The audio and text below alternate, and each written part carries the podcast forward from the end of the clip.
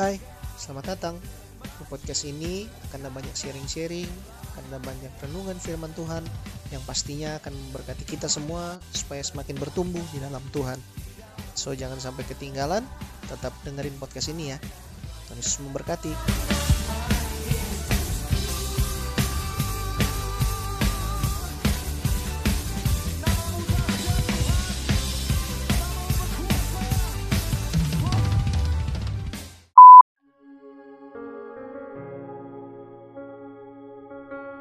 Haleluya, puji Tuhan, salam sejahtera dalam kasih Tuhan. Kembali dalam kesempatan kali ini firman Tuhan datang kepada kita untuk kita belajar, untuk kita merenungkan supaya kita hidup semakin bertumbuh dan berbuah di dalam Tuhan. Puji Tuhan, firman Tuhan dalam 1 Samuel pasal ke-22 ayatnya yang kedua. 1 Samuel 22 ayatnya yang kedua, berhimpunlah juga kepadanya setiap orang yang dalam kesukaran, setiap orang yang dikejar-kejar tukang piutang, setiap orang yang sakit hati, maka ia menjadi pemimpin mereka.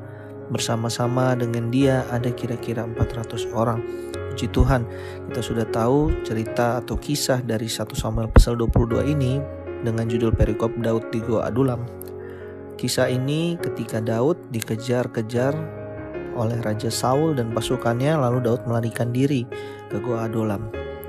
Nah secara manusia pasti Daud mengalami permasalahan, ketakutan, mungkin sakit hati, mungkin marah juga, mungkin kesusahan, pokoknya kelelahan karena dikejar-kejar sampai mau dibunuh.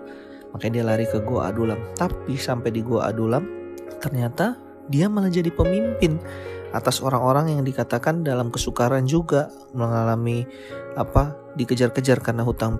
Setiap orang yang sakit hati semua orang yang bermasalah ada di dalam goa itu. Dan Daud dipilih untuk menjadi pemimpin mereka. Aduh kita aja masalah banyak. Kita aja punya masalah yang mungkin berat. Malah disuruh jadi pemimpin.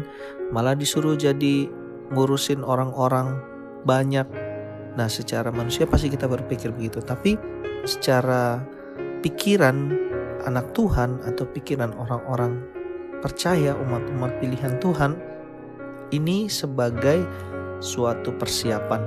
Kalau kita melihat Daud di sini sebelum jadi raja banyak peristiwa hal-hal yang terjadi mungkin eh, bencana, mungkin kesusahan, kesukaran. Justru itu menjadikan dia menjadi orang, menjadi pribadi yang pantas, yang layak untuk menjadi raja karena dia dipersiapkan.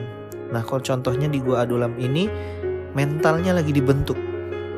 Mentalnya lagi dibentuk ketika dalam kesusahan, masalah-masalah pribadi, dia harus bisa membimbing, dia harus bisa memimpin orang-orang yang mengalami masalah juga, orang-orang yang mengalami kesusahan juga. Nah, seperti seorang raja juga tantangannya sama seperti itu Mungkin dia punya masalah pribadi tentang keluarganya kah atau masalah-masalah lain tentang pribadi kehidupannya dia. Sedangkan dia harus memimpin bangsa yang banyak, orang-orang yang banyak yang setiap mereka punya masalah masing-masing. Nah, kalau mau dilihat di sini Tuhan sedang mempersiapkan, Tuhan sedang memperlengkapi, memperkuat mentalnya supaya ketika jadi raja nanti dia sudah tahu dia harus bagaimana karena dia sudah mengalami walaupun dalam lingkup yang kecil. Tapi kalaupun dikatakan kecil ya ini cukup besar juga sekitar 400 orang dikatakan.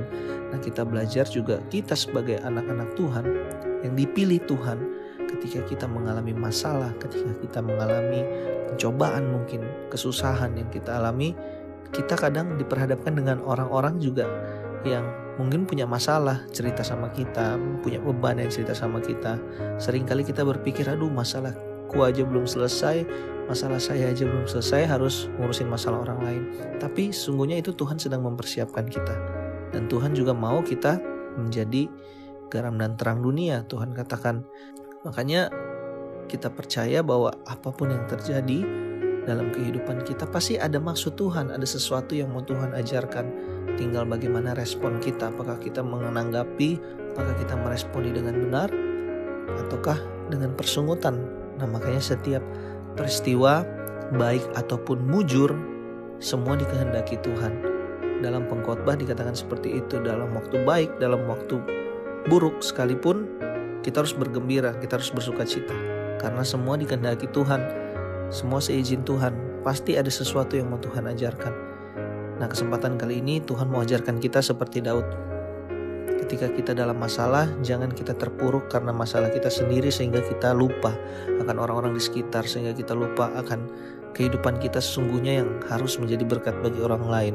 Makanya dicontohkan, diilustrasikan dengan kisah Daud ini. Ketika dia mengalami masalah, ketika dia mengalami kesusahan, malah dia justru menjadi berkat. Dia mampu menjadi berkat bagi banyak orang dan bukan orang yang sedikit tapi orang yang banyak. Nah, kita belajar ketika kita dalam masalah, kita pun bisa menjadi berkat buat orang lain. Jangan menganggap bahwa hanya permasalahan kita yang sangat berat, hanya permasalahan kita yang tidak bisa diselesaikan. Di luar sana masih banyak orang-orang yang punya masalah yang lebih besar, lebih berat dari kita.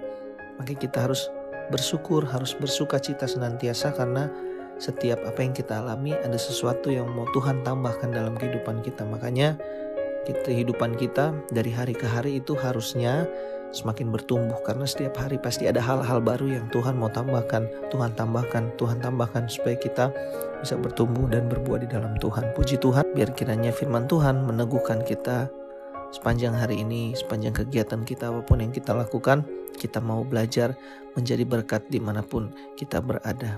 Puji Tuhan. Sampai jumpa di kesempatan berikutnya. Tuhan Yesus memberkati.